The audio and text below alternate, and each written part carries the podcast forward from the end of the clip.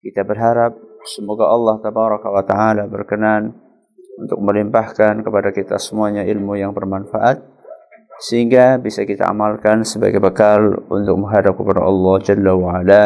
Amin ya rabbal alamin.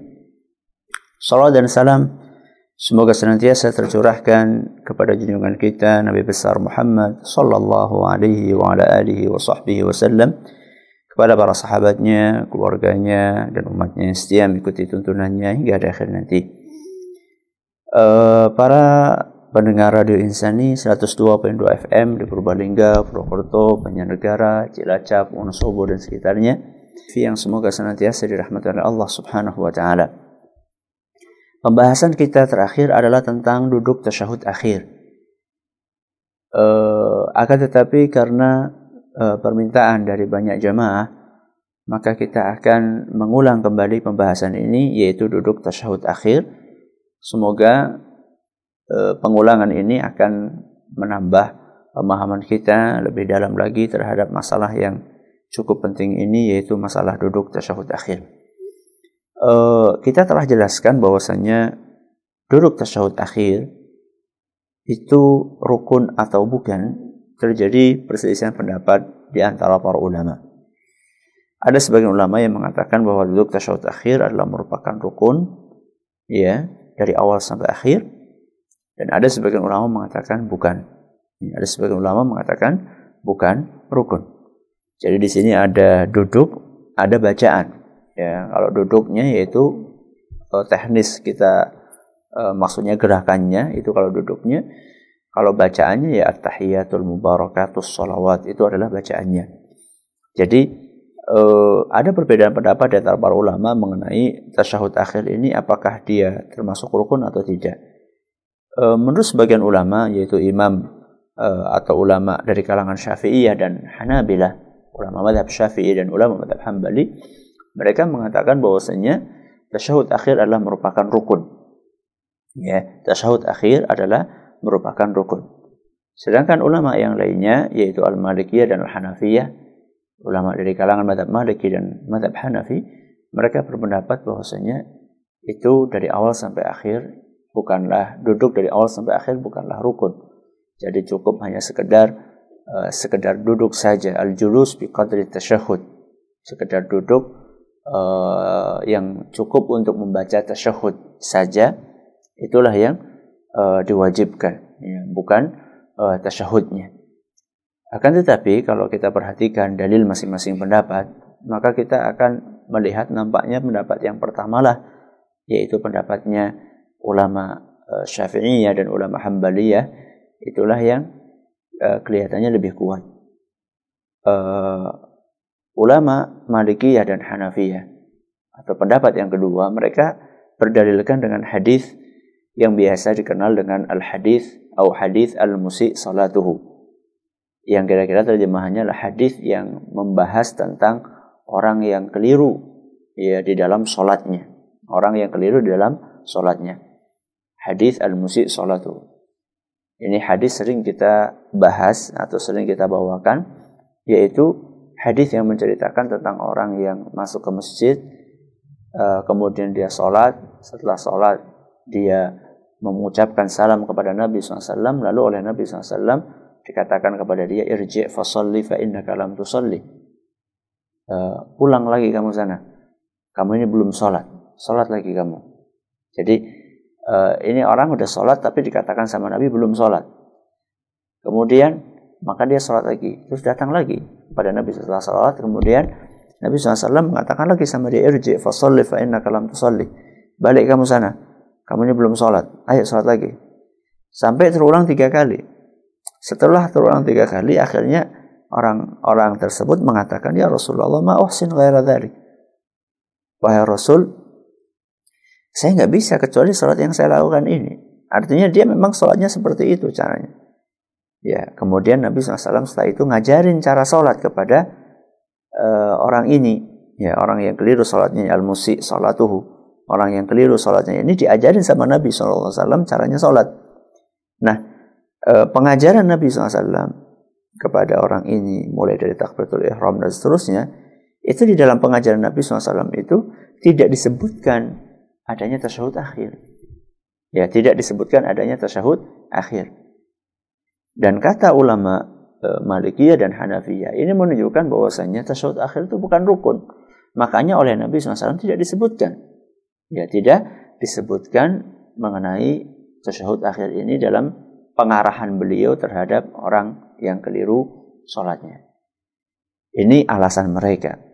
Dan Nabi SAW di dalam hadis ini menyebutkan rukun-rukun sholat. Ya, menyebutkan rukun-rukun sholat dan tidak disebutkan di situ ya tidak disebutkan di situ e, mengenai e, tasyahud akhir. Nah, oleh karena itu mereka berpendapat bahwasanya tasyahud akhir bukan rukun. Ini dalil mereka.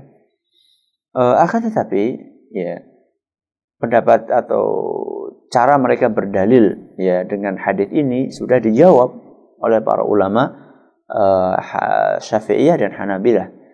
Kata mereka uh, betul itu tidak disebutkan akan tetapi tidak disebutkannya oleh Nabi SAW karena ya orang tersebut sudah tahu ya orang tersebut sudah tahu bahwasanya ini adalah rukun maklumun ladaihi dia sudah tahu bahwa itu rukun makanya nggak disebut oleh Nabi SAW oh, buktinya apa buktinya Nabi SAW juga nggak menyebutkan masalah niat ya dalam hadis ini dalam hadis al-musi salatuhu, orang yang keliru salatnya, Nabi nggak menyebutkan masalah niat. Padahal niat itu rukun.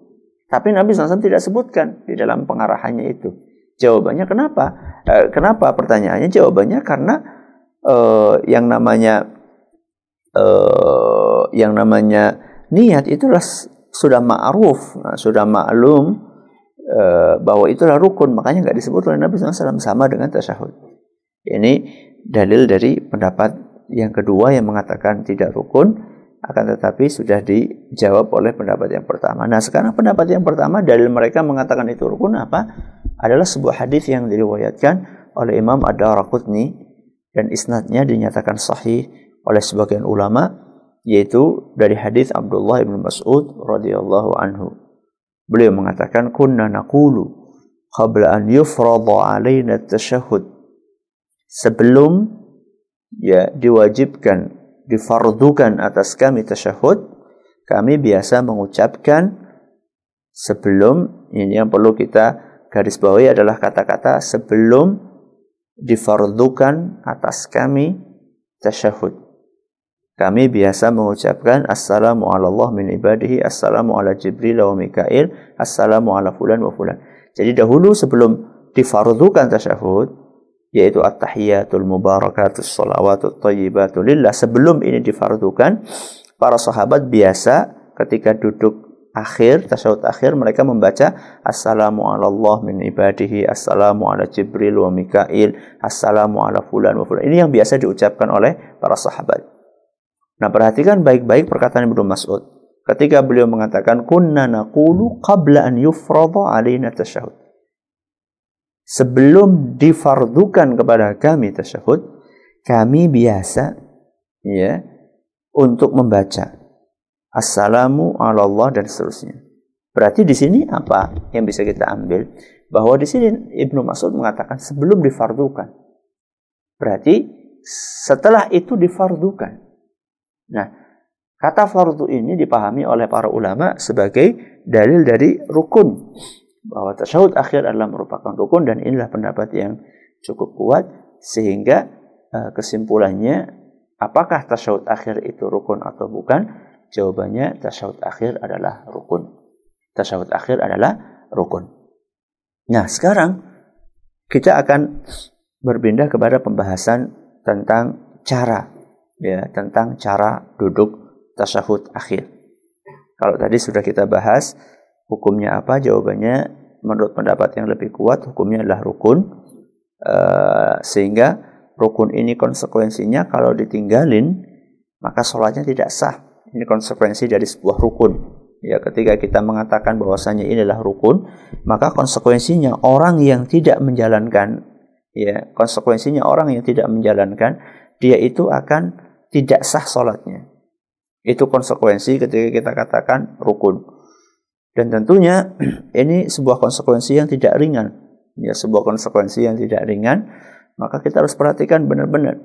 Jadi ketika para ulama membahas apakah ini rukun atau wajib atau bukan, ya ini ada konsekuensinya, bukan hanya sekedar pembahasan teoritis, ya akan ada efeknya. Efeknya kalau kita katakan bahwasanya tasyahud akhir itu rukun, seandainya ada orang uh, sholat kemudian dia tidak baca tasyahud akhir dan tidak duduk di di, di tasyahud akhir, maka sholatnya tidak sah. Ya, maka sholatnya tidak tidak sah kecuali orang tidak mampu itu lain masalah sambil tiduran gimana dia mau duduk dia tiduran itu lain masalah.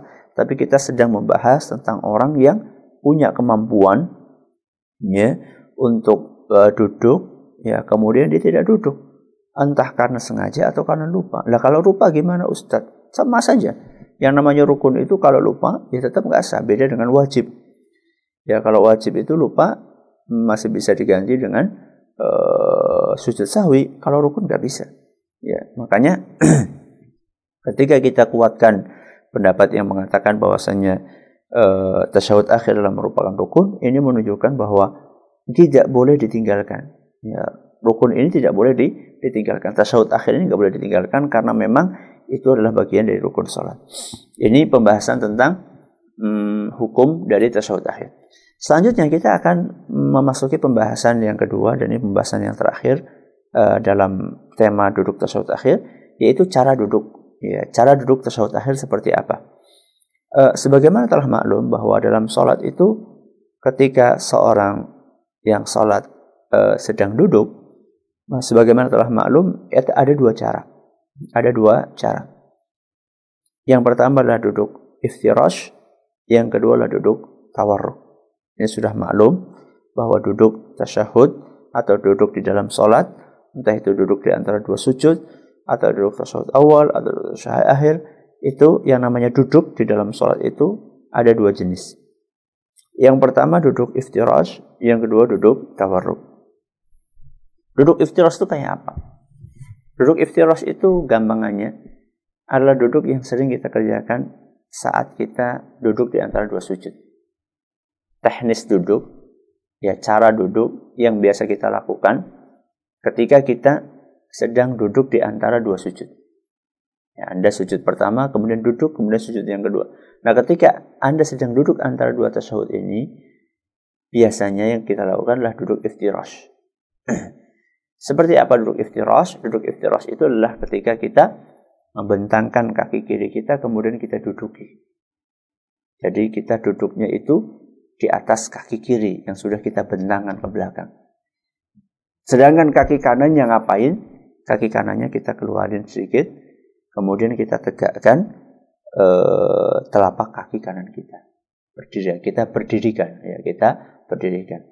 Jadi kaki yang kiri kita uh, lipat ke belakang, kemudian kita duduki, kemudian kaki yang kanan itu kita berdirikan. Ini namanya duduk iftirash. Ah, jenis yang kedua namanya duduk tawarruk. Namanya duduk tawarruk. Kalau kita faham bahasa Arab, maka kita akan mudah untuk memahaminya. Akan mudah untuk memahami makna dari tawarruk ini. Tawarruk itu dari kata warik. Ya, tawarruk ini dari kata warik. Warik itu artinya maaf pantat. Maknanya adalah maaf pantat. Jadi secara garis besar, duduk tawaruk ini adalah duduk ketika maaf pantat kita nempel langsung ke lantai. Ya, kalau iftiros kan enggak. Kalau iftiros itu pantat kita maaf nempel di atas kaki kiri. Ya, kaki kiri yang sudah kita julurkan ke belakang. Kalau tawaruk enggak. Coba Anda lihat ketika kita duduk tasawuf akhir, umumnya kita duduk tasawuf akhir, itu kalau kita lagi duduk kan, maaf pantat kita kan langsung nempel ke lantai. Ya. Nah terus kaki kiri kita ke mana? Kaki kiri, kaki kiri kita kita belokin. Ya, kaki kiri kita kita belokin. Ya, kemudian kita taruh di bawah kaki e, kanan kita. Ya, kita taruh di bawah kaki kanan kita dan kaki kanan kita sudah kita tegakkan seperti tadi yang kita bahas ketika duduk tasyahud uh, atau duduk tasyahud awal atau duduk di antara dua sujud atau duduk iftirash. Ya. Itu namanya duduk tawarruk. Saya ulangi, duduk tawarruk itu adalah duduk di mana maaf pantat kita langsung nempel ke lantai, ya langsung nempel ke lantai, sedangkan kaki kiri kita kita bengkokkan, ya kita bengkokkan ke arah kanan, Kemudian kita taruh di bawah kaki kanan kita. Sedangkan kaki kanan posisinya telapak kakinya berdiri tegak. Ya, telapak kakinya berdiri tegak, sedangkan jari jemarinya ini menghadap ke arah kiblat. Ini dua jenis duduk. Ada duduk tawaruk, ada duduk apa? Iftirash. Nah, sekarang dalam tasyahud akhir.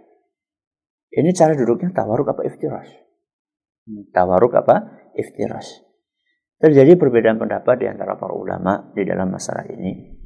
Ya, sengaja saya bawakan uh, perbedaan ini supaya orang tahu bahwa dalam masalah ini itu ada beberapa pendapat. Sehingga ketika saya bawakan ini nanti para pendengar, para pemirsa itu bisa memahami oh kenapa si fulan kayak gini, kenapa si fulan kayak gini. Ya. Dan ini masalah-masalah yang Eh, masalah-masalah fikhiyah seperti ini, masalah khilafiyah seperti ini uh, perlu adanya uh, kelapangan dada ya di dalam menyikapinya. Ya, ya uh, Anda mengambil satu pendapat, it's okay, tidak ada masalah.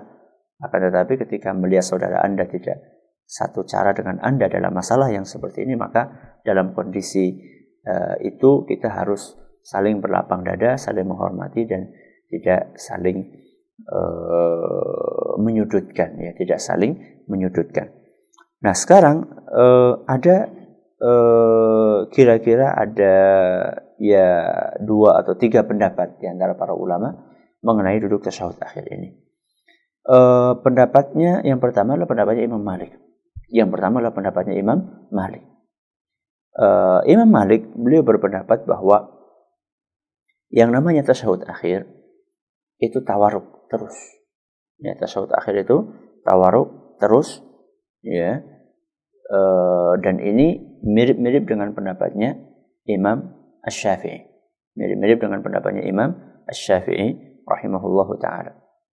Jadi Imam Malik sama Imam Syafi'i pendapatnya mirip kalau tasawuf akhir tawaruk. Ya, tasawuf akhir adalah tawaruk. E, cuman nanti perbedaannya antara Imam Syafi'i sama Imam Malik itu adalah ketika duduk tasawuf awal.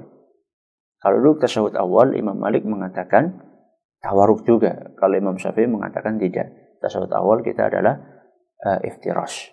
Ya, ini perbedaan antara Imam Malik sama Imam Syafi'i. Akan tetapi kedua-duanya sepakat bahwasanya duduk uh, tasawuf akhir itu adalah memakai cara tawaruk. Dalilnya mereka apa? Di antara dalil yang mereka ucapkan adalah hadis Ibnu Umar radhiyallahu anhu ketika beliau mengatakan innama sunnatus salati yakni sunnatul julus an tansiba rijlakal yumna wa tuthanni rijlakal yusra. Yang artinya sesungguhnya sunnahnya salat maksudnya adalah sunnahnya duduk ketika salat an tansiba rijlakal yumna yaitu engkau tegakkan telapak kaki kananmu. Ya, engkau tegakkan telapak kaki kananmu ya. Wa tusanni rijlakal yusra. Wa tusanni rijlakal yusra. Dan engkau uh, lipat ya. Engkau lipat engkau uh, miringkan ya. Engkau miringkan kakimu yang kiri ya. Jadi yang saya katakan tadi kaki kiri itu dilipat akan tetapi diarahkan ke sebelah kanan bukan ke belakang. Dan inilah cara duduk tawarruk. Ya. Ini riwayat diriwayatkan oleh Imam Al-Bukhari rahimahullahu taala. Ini diriwayatkan oleh Imam Bukhari rahimahullahu taala. Dan juga di antara dalil yang disampaikan ya oleh para ulama kita ya di antara dalil yang disampaikan oleh para ulama kita adalah hadis uh, Abu Humaid As-Sa'idi. Hadis Abu Humaid As-Sa'idi dalam Sahih Bukhari, ya dalam Sahih Bukhari disebutkan ketika beliau menceritakan tentang bagaimana cara salatnya Nabi sallallahu alaihi wasallam, fa idza jalasa fi rak'ataini jalasa ala rijlihi al-yumna. Ketika Nabi SAW sedang duduk uh, di rakaat yang kedua, ya diduduk di rakaat yang kedua atau di salat yang dua rakaat, maka beliau duduk iftirash. Maka beliau duduk iftirash yaitu duduk di atas kaki kiri kemudian kaki kanannya telapak kakinya ditegakkan. Wa idza jalasa fi rak'atil akhirati qaddama rijlahu al-yusra wa nasaba al-ukhra wa qa'ada ala maq'adatihi. Adapun ketika beliau duduk tasyahud akhir, ya duduk di rakaat yang terakhir, maka beliau uh, qaddama rijlahu yusra, maka beliau akan me mengajukan kaki kirinya, maksudnya tidak dilipat ke belakang tapi dilipat ke samping, wa nasabal ukhra dan beliau menegakkan telapak kaki kanannya dan inilah cara duduk uh, tawarruk. Jadi kalau saya terjemahkan bebas, ketika Nabi Shallallahu Alaihi Wasallam duduk dua rakaat atau di rakaat yang kedua, maka beliau akan duduk iftirash. Seandainya beliau duduk di rakaat yang terakhir, maka beliau akan duduk tawarruk. Ini terjemahan bebas dari hadis yang tadi saya bacakan, hadis Abu Humaid yang ada dalam Sahih Bukhari. Ini dalil mereka, ya, bahwasanya di dalam tasawuf akhir itu adalah yang disunahkan adalah duduk tawarruk, ya, adalah duduk tawarruk. Adapun pendapat yang berbeda dengan pendapat ini adalah pendapatnya eh, sebagian ulama, yaitu pendapatnya Imam Abu Hanifah pendapatnya Imam Abu Hanifah. Imam Abu Hanifah beliau berpendapat bahwasanya uh, duduk tasyahud akhir itu iftirash. Eh maaf, iya betul iftirash. Duduk tasyahud akhir itu adalah iftirash. Ya. Pokoknya dalam kondisi apa pun mereka berpendapat tasyahud akhir itu iftirash. Bahkan mereka juga mengatakan tasyahud awal juga iftirash. Pokoknya semua duduk yang ada dalam sholat itu iftirash. Ini pendapatnya Imam Abu Hanifah. Mereka berdalilkan antara lain dengan hadis Wa'il ibnu Hujur. Ya, hadis Wa'il ibnu Hujur ketika mengatakan ra'aitun Nabi sallallahu alaihi wasallam idza jalasa fi sholati ajja rijlahu yusra wa nasaba yumna. Aku pernah melihat Nabi sallallahu alaihi wasallam ketika beliau ya sedang duduk di dalam salatnya maka beliau duduk dengan posisi iftirash Ya, ini terjemahan bebasnya. Beliau duduk dengan posisi iftirash. Dan ini hadis Wa'il bin Hujur ada dalam riwayat Ashabus Sunan, yakni Abu Dawud, Nasai, Tirmidzi dan Ibnu Majah. Nah, inilah dalil mereka. Inilah dalil mereka. Kalau kita perhatikan, dalil yang dibawakan oleh ulama uh, uh, ulama Hanafiyah atau ulama madhab Abu Hanifah, kemudian juga ulama yang sebelumnya yaitu ulama madhab Malik kalau kita perhatikan mereka menggunakan dalil-dalil yang sifatnya umum. Ya. E, mereka menggunakan dalil yang sifatnya umum. Yang satunya berpendapat tawaruk terus, yang satunya berpendapat iftiros terus. Masing-masing menggunakan dalil yang sifatnya umum.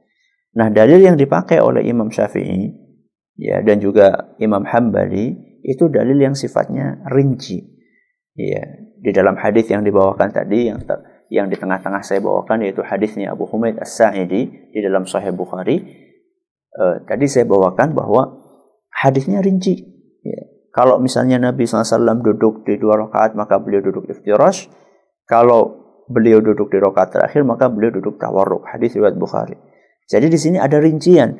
Dijelaskan oh kapan tawarruk, kapan iftirash. Sedangkan dalil yang dibawakan oleh Imam Abu Hanifah dan juga dibawakan oleh Imam Malik itu dalil yang sifatnya umum Ya, yang satunya melihat Nabi SAW duduk tawarruk dan inilah ulama uh, madhab maliki. Yang satunya melihat Nabi SAW uh, duduknya adalah duduk uh, iftiras dan ini adalah pendapatnya Imam Abu Hanifah. Dalilnya Imam Abu Hanifah. Nah, masing-masing pendapat ini memakai dalil, cuma dalilnya umum. Dalil yang rinci ada dalam pendapatnya Imam uh, Syafi'i dan Imam Ahmad. Sehingga kesimpulannya, wallahu alam bisawab, bahwa pendapat yang lebih kuat adalah pendapat yang ketiga yang mengatakan bahwasanya uh, duduk tasyahud akhir itu yang betul adalah pakai cara tawarruk. Yang betul adalah pakai cara tawarruk. Sedangkan duduk tasyahud awal yang benar adalah pakai cara iftirash. Ini dalam rangka untuk memadukan antara dalil-dalil yang umum yang tadi dibawakan dan juga adanya dalil khusus yang spesifik yang membedakan antara duduk tasyahud awal dengan duduk tasyahud akhir. Ini uh, adalah kesimpulannya. Hanya saja nanti ada perbedaan sedikit antara ulama uh, madhab Hambali dan juga ulama madhab Syafi'i. Ada perbedaan sedikit di tasyahud akhir itu. Uh, kalau menurut ulama Hambali yang dua rakaat tasyahud akhir, maka dia tetap pakai cara iftirash. Sedangkan Imam Syafi'i beliau berpendapat pokoknya asal duduk tasyahud akhir Yang penting tasyahud akhir entah itu dua rakaat, tiga rakaat, empat rakaat itu tetap duduknya tawarruk. Ini perbedaan biasa di antara para ulama dan masing-masing memiliki argumen yang cukup kuat. Sehingga dalam masalah ini eh, kita perlu berlapang dada karena para ulama eh, ketika membahas masalah eh, bagaimana cara duduk di saat tasyahud akhir mereka itu sedang membahas tentang teknis yang lebih afdol. Mereka sedang membahas tentang teknis yang lebih afdol. Jadi mereka bukan sedang membahas mana yang sah, mana yang tidak. Ini yang kadang-kadang kurang difahami oleh sebagian orang. Sebagian orang mengira bahwa oh ente sholatnya nggak sah karena ente duduknya tawaruk. Yang lainnya mengatakan oh ente sholatnya nggak sah karena ente duduknya iftiros dan ini tidak benar. Ya, para ulama itu mereka berbeda pendapat dalam menentukan teknis duduk yang lebih afdol. Ya, bukan perbedaan oh ini sah ini tidak. Ini sunnah, ini bid'ah, ini haram, ini halal bukan. Ini yang perlu kita uh, sering tekankan, perlu sering kita jelaskan bahwasanya dalam masalah ini yaitu cara duduk tasyahud akhir Perbedaan pendapat di antara para ulama, ada yang mengatakan tawaruk, ada yang mengatakan iftirash. Ini perbedaan di dalam menentukan mana yang lebih afdal. Ya, bukan perbedaan uh, tentang oh ini sah, ini tidak. Ya. Sehingga para ulama itu sepakat semuanya. Kalau ente tawaruk, ente sah. Kalau ente iftirash, ente sah. Cuman yang kita per, uh, yang kita permasalahkan mana yang lebih afdal antara tawaruk dengan iftirash. Ya, ini perlu saya tekankan di akhir pengajian kita ini supaya kita tidak mudah-mudah untuk uh, menyudutkan saudara kita yang berbeda dengan kita dalam masalah-masalah yang masing-masing punya argumen. Jadi kesimpulan pembahasan kita pada hari ini adalah ada dua. Yang pertama adalah mengenai hukum duduk tasyahud akhir, apakah rukun atau bukan. Tadi sudah kita bahas bahwa yang lebih kuat bahwa tasyahud akhir itu adalah rukun duduknya maupun bacaannya. Duduknya rukun, bacaannya juga rukun. Ini kesimpulan yang pertama. Kesimpulan yang kedua, bagaimana teknis atau cara duduk tasyahud akhir? Ada perbedaan pendapat di antara para ulama. Uh, Wallahu alam bisawab yang lebih kuat tasyahud akhir adalah duduk uh, tawarruk. Tasyahud akhir adalah duduk tawarruk. Uh, walaupun nanti kemudian ada perbedaan uh, dalam sholat yang dua rakaat ya dalam sholat yang cuma dua rakaat ada yang mengatakan e, tawaruk tetap ada yang mengatakan iftiros dan ini perbedaan yang masing-masing sama-sama kuat pendapatnya dan masing-masing punya argumen dan mereka berbeda pendapat dalam menentukan mana yang afdol bukan mana yang sah mana yang tidak sehingga masing-masing sama-sama sah. Cuman menurut kami yang afdol ini menurut ente yang afdol itu. Wallahu alam bisawab ini yang kami sampaikan pada kesempatan kali ini kalau ada yang bertanya silakan Nah, terima kasih Ustaz atas penyampaian materi berkenan dengan duduk tasawuf akhir yang sudah kita simak bersama. Semoga bermanfaat dan juga semoga kita semua mampu mengamalkan ilmu yang telah disampaikan oleh antum. Di kesempatan ini langsung saja Ustaz kami bacakan. Yang pertama Ustaz eh, dari keluarga Insani yang bertanya, uh, dari hamba Allah yang bertanya Assalamualaikum Ustaz. Waalaikumsalam warahmatullahi wabarakatuh. Mungkin di luar dari pembahasan kita berkenaan dengan uh, Afan Ustaz anak punya anak usianya 8 bulan. Otomatis sebentar-bentar pipis Ustaz. Apakah ketika saya sholat saya harus mandi Ustaz? Berkenaan dengan uh, air kencingnya ini mohon nasihatnya Ustaz. Harus mandi? Iya harus mandi atau mungkin berganti pakaian Ustaz? Uh, anak usia 8 bulan ya nggak sebutkan tadi laki-laki apa perempuan ya biasanya anak itu sudah makan makanan lain ya selain ASI ya. Biasanya sudah makan makanan selain ASI.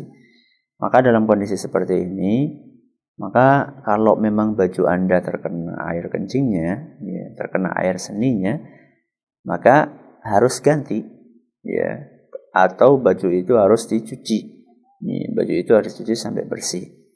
Ya, eh, nggak uh, harus mandi, nggak harus mandi. Yang penting baju atau tubuh anda ini tidak terkena air seninya, ya air urinnya si anak tersebut. Jadi anda perlu membersihkan tubuh anda, nggak harus mandi. Misalnya kenanya cuma di tangan, ya karena tangannya aja yang dibasuh kemudian wudhu. Kalau memang batal uh, wudhu anda, kalau nggak batal ya sekedar dibasuh saja ya yang kena uh, air seni tersebut. Jadi intinya uh, tidak harus mandi, yang penting tubuh Anda dan baju Anda itu suci. Ya, yang penting tubuh Anda dan baju Anda itu suci. Makanya dari sini uh, sebenarnya perlu kehati-hatian betul. Ya, memang capek, ya memang capek akan tetapi subhanallah di balik itu itu banyak sekali kemudahan-kemudahan dan kita akan dihindarkan dari siksaan-siksaan yang ada di alam kubur dan juga di dalam neraka. Nabi kita Shallallahu Alaihi Wasallam pernah uh, menjelaskan, ya, pernah menjelaskan tentang orang yang disiksa di kuburan. Uh, orang yang disiksa di alam kubur ketika Nabi SAW mendengar siksaan mereka, kemudian Nabi SAW menjelaskan kepada para sahabatnya. Kenapa mereka disiksa di alam kubur? Salah satu di antara dua orang itu dikatakan oleh Nabi SAW, Amma hadha fala yastanzihu minal baul. Adapun orang yang ini disiksa di kuburan itu karena dia ini tidak hati-hati dengan masalah air seni. Alias dia itu kurang peduli dengan mensucikan ya kurang peduli dengan mensucikan tubuhnya atau bajunya ketika terkena air seni atau air kencing. Maka dalam kondisi seperti ini efeknya besar berat. Ya akibatnya berat bisa membuat seseorang itu disiksa di alam kubur. Maka uh, saya menganjurkan kepada diri saya pribadi dan juga kepada para pendengar, terutama para pena, eh, terutama saudara atau saudari penanya dan juga para pemirsa sekalian, hati-hatilah dengan yang satu ini yaitu masalah air seni. Wallahu a'lam Terima kasih Ustaz atas nasihatnya. Kita bacakan kembali dari pendengar Radio Insani dari Mubarak di Sumingkir yang bertanya. Assalamualaikum Ustaz. Waalaikumsalam warahmatullahi wabarakatuh. Terkadang kami bingung Ustaz ketika sholat mengikuti orang yang softnya melenceng dari uh, garis yang sudah ditentukan. Uh, mohon nasihatnya berkenaan dengan orang yang berpemahaman seperti ini. Mohon nasihatnya Ustaz. Ya. Untuk saudara Mubarak, uh, bagaimana kita menyikapi orang yang uh, sholatnya sudah dibikin soft tapi dia miring. Ya. Allah alam Mungkin yang Anda maksudkan inilah orang yang meyakini uh, bahwa kiblat itu serong, nah, bahwa kiblat itu serong uh, ke arah barat, ya apa itu? Barat laut, uh, barat laut ya, nah, barat laut ya ke arah sana. Bagaimana kita menyikapi orang seperti itu padahal soft yang ada di masjid itu menghadap ke arah barat. Uh, yang sikap kita pertama kita perlu memahami bahwa uh, ke arah kiblat ya arah kiblat itu apakah harus pas ya kepada fisik bangunan Ka'bahnya atau cukup hanya sekedar mengarah saja yang penting arahnya ke sana walaupun tidak pas ke fisiknya dalam arti pas ke fisik itu kalau ditarik tali ya andaikan ada tali yang panjang dari Indonesia ke mana ke Mekah ya itu kalaupun ditarik tali itu akan sampai ya, ke fisik bangunan Ka'bahnya. Apakah harus seperti itu posisi kita? Ataukah cukup sekedar mengarah saja? Mengarah itu artinya ya penting arah kiblat ke sana nggak harus nggak uh, harus pas banget di fisik. Nah, kalau ditarik nggak harus pas banget di fisik Ka'bahnya. Nah ini uh, perbedaan pendapat biasa dari para ulama Eh, masing-masing punya argumen ya masing-masing punya argumen dan sebenarnya argumen yang mengatakan mengarah ke arah Ka'bah saja itu itu cukup kuat ya makanya saya pernah uh, membuat sebuah artikel atau menulis sebuah artikel kayaknya di website kami di tunasilmu.com itu ada judulnya haruskah kita berpolemik mengenai arah kiblat ya, haruskah haruskah kita berpolemik mengenai arah kiblat? Intinya tidak harus. Bahkan tak usah kita itu menghabiskan energi kita untuk berpolemik. Kalau membahas secara ilmiah, ya mendudukkan dalil-dalilnya, it's okay, tidak ada masalah. Ya dibaca, kemudian dipelajari, diskusi dengan kepala dingin itu tidak apa-apa. Ya, itu tidak ada masalah. Akan tapi yang jadi masalah itu ketika oh, gara-gara uh, arah ini kemudian terjadi uh, perpecahan di jamaah masjid Ada golongan lurus, ada golongan miring. yang satunya pengennya lurus ke arah barat, yang satu miring. Akhirnya terjadi dua golongan di masjid, golongan miring dan golongan. Ini nggak boleh yang seperti ini.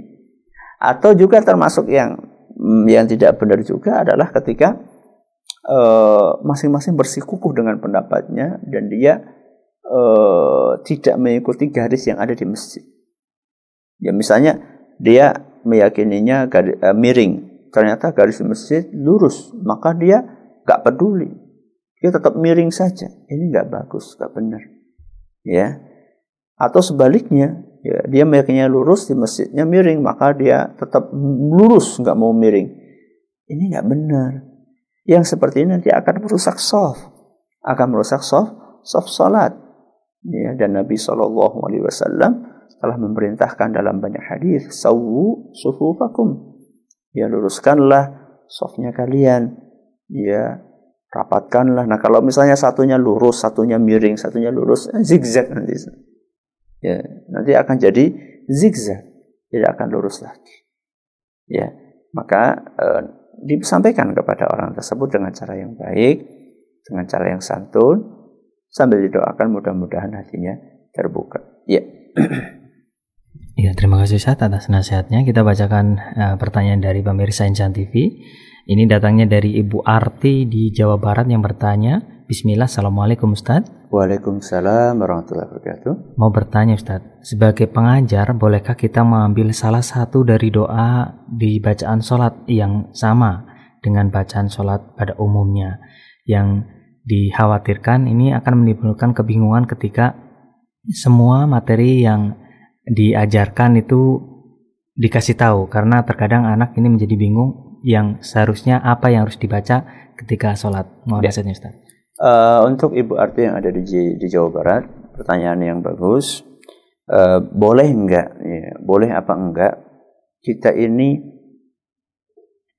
mengajarkan salah satu jenis doa di dalam bacaan kita saat sholat, ya. Dan kita baca, kita ajarkan kepada anak kita atau kepada murid kita dengan bacaan khusus anu saja untuk menghindari kebingungan. Ya, jawabannya insya Allah boleh, apalagi anak itu masih kecil. Ya, insya Allah boleh. Karena apa? Karena Anda pakai bacaan A, B, C, D, kalau semuanya itu ada dalilnya, ya kalau semuanya itu ada dalilnya, maka semuanya boleh untuk dibaca. Ya. Selama itu ada dalilnya. Selama itu ada dalilnya. Jadi para ulama ketika mengatakan misalnya ada bacaan tasyahud misalnya atau bukan tasyahud lah iftitah misalnya. Iftitah misalnya ada Allahumma ba'id ya kemudian ada subhanakallahumma kemudian ada uh, wajah tu wajhiya. Misalnya ini. Masih ada yang lain sebenarnya. Cuman saya bawakan tiga misalnya. Nah, dari tiga bacaan ini, ya ini kan semuanya sama-sama ada dalilnya. Dan dalilnya sama-sama sahih. Ya. Para ulama mengatakan afdolnya kita ini menghafal semuanya. Kadang pakai ini, kadang pakai ini, kadang pakai ini. Ini para ulama mengatakan afdolnya. Jadi toh kalaupun seandainya kita memakai salah satunya, maka tetap tidak apa-apa, sah-sah saja. Dan tidak ada larangan. Cuman afdolnya kita pakai kadang ini, kadang ini, kadang ini. Nah sekarang masalahnya anak-anak kecil itu kadang-kadang ketika di, disuruh baca semuanya ngapain semua bingung. Ya, ini yang dipakai yang mana? Padahal sebenarnya kalau uh, dia sudah tambah dewasa dia akan paham oh ini benar ini benar ini cuma kita pengen cari afdolnya kadang pakai ini karena semuanya kadang pakai ini karena semuanya sudah dicontohkan oleh Nabi SAW. Maka dalam kasus yang anda alami uh, siswa ya, siswa mereka itu berusaha untuk uh, apa? Mereka siswa itu berusaha untuk menghafalkan sebagian dari doa itu, maka tidak ada masalah. Ya. Cuman nanti suatu saat, suatu saat ketika anak itu sudah mulai tambah dewasa, Anda perlu jelaskan, nah itu adalah salah satu doa, masih ada doa yang lainnya. Ya, sehingga nanti anak juga tidak mudah-mudah menyalahkan temannya yang mungkin berbeda dengan bacaan dia dan temannya itu juga punya dalil yang kuat. Allah alam bisawab intinya boleh uh, boleh saja untuk mengajarkan salah satu jenis doa. Nanti kalau anak itu sudah lebih dewasa lagi bisa di, ditambahkan doa yang lainnya. Wallahu a'lam Nah, terima kasih Ustaz atas nasihatnya. Kita bacakan kembali Ustaz pertanyaan dari pemirsa Ancian TV dari Ibu Arni di Jambi yang bertanya. Assalamualaikum Ustaz. Waalaikumsalam.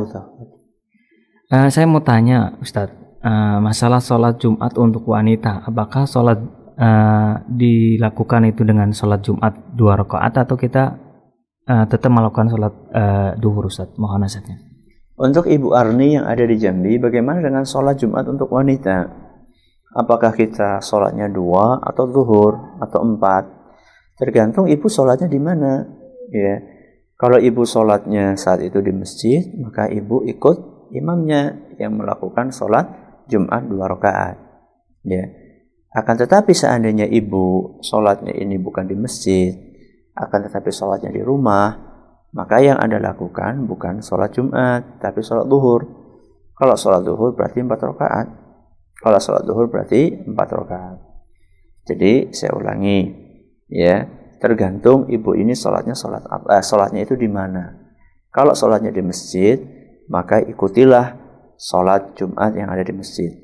Tapi kalau misalnya ibu sholatnya adalah sholat uh, sholat sholatnya dilakukan di rumah, ya maka lakukanlah sholat zuhur eh, empat rakaat. Ya. Kalau ibu sudah sholat Jumat di masjid dua rakaat, nggak perlu ibu ulang lagi di rumah sholat zuhur, nggak perlu. Sudah cukup untuk menggantikan posisi dari sholat Jum, uh, sholat zuhur yang tidak ibu lakukan. Wallahu a'lam bishawab. Nah, terima kasih Ustaz atas nasihatnya. Kita bacakan pertanyaan yang kembali yang datangnya dari hamba Allah di Kejobong dari pemirsa Ansan TV yang bertanya, Assalamualaikum Ustaz. Waalaikumsalam. Uh, mau tanya Ustaz, apabila sholat sunnah uh, tahajud 8 rakaat dilakukan dua rakaat salam, apakah setiap rakaat pertama harus membaca surat, uh, membaca doa iftitah? Mohon nasihatnya Ustaz. Ya, uh, untuk hamba Allah yang dari Kejobong, kalau orang sholat tahajud 8 rakaat, kemudian dia putus dua dua dua dua Apakah setiap rokaat pertama dia harus membaca doa iftitah? Jawabannya tidak harus, akan tetapi disunnahkan. Tidak harus, akan tetapi disunnahkan. Karena apa? Karena doa iftitah itu hukumnya sunnah. Doa iftitah itu hukumnya sunnah, bukan wajib. Dan sunnah doa iftitah itu berlaku di sholat wajib maupun sholat sunnah ketika Anda sholat tahajud atau Anda sholat duhur. Sholat duhur kan wajib ya. Sholat tahajud sunnah. Ketika Anda sholat duhur yang hukumnya wajib. Ataupun Anda sholat tahajud yang hukumnya sunnah. Baik dalam sholat duhur maupun sholat tahajud. Di dalam dua sholat ini membaca doa kita hukumnya sunnah. Jadi Anda ketika sholat duhur sunnah pula untuk membaca uh, untuk membaca doa iftitah. Begitu pula ketika Anda sholat tahajud. Juga sunnah pula untuk membaca doa iftitah. Jadi inti dari jawabannya apakah harus untuk membaca doa iftitah di setiap rakaat pertama dalam tahajud kita? Jawabannya tidak harus tapi dianjurkan. Tidak harus tapi dianjurkan. Ya, silakan. Terima kasih Ustaz atas nasihatnya. Kita bacakan pertanyaan berikutnya Ustaz yang datangnya dari hamba Allah di Riau yang uh, bertanya, Assalamualaikum Ustaz. Waalaikumsalam. Sesekali saya di sesekali di masjid tempat saya tinggal pernah saya melakukan adan, ikomat dan juga sholat sendiri. Apakah sholat saya sendiri tersebut di uh, takbirnya itu dikeraskan? Mohon nasihatnya Ustaz. Nah, uh, untuk hamba Allah yang ada di Riau, e, pertanyaannya Anda kadang-kadang adzan ikoma e, sholat sendiri. Apakah takbirnya dikeraskan? Tergantung apakah Anda ini sholatnya malam-malam apa siang-siang. Ya, apakah Anda sholatnya malam-malam atau siang-siang.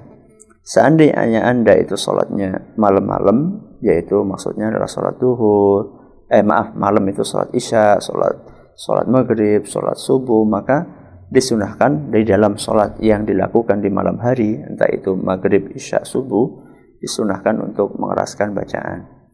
Tapi kalau sholatnya di siang hari yaitu zuhur dan asar, maka dianjurkan untuk tidak keras membaca bacaannya kecuali ketika menjadi imam.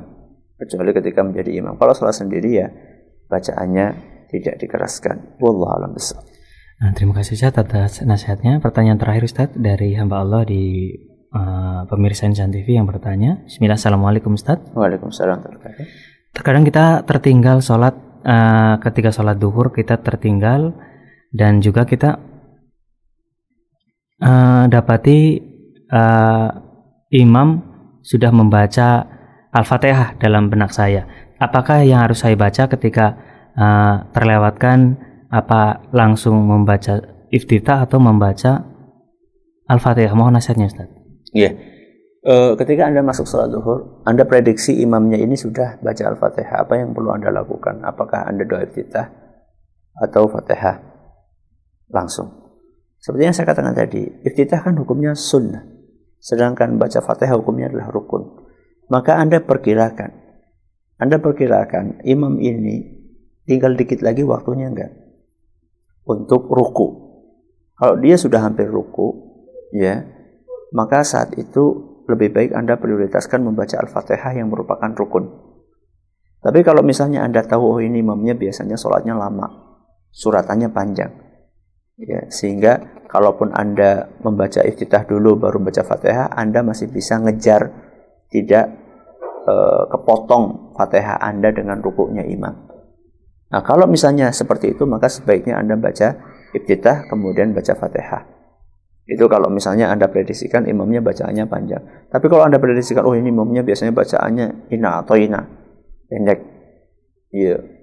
Maka dalam kondisi seperti itu, maka sebaiknya Anda tidak perlu membaca doa ibtidah, tapi langsung membaca Al-Fatihah saja, karena khawatirnya nanti Al-Fatihah itu terputus dengan rukuknya imam alias Anda belum selesai Al-Fatihah, imamnya sudah ruku. Mungkin ini dapat kami sampaikan. Uh, terima kasih atas perhatiannya. Mohon atas segala kurangnya kita terus membaca subhanakallahumma bihamdika asyhadu an la ilaha illa anta astaghfiruka. Assalamualaikum warahmatullahi wabarakatuh.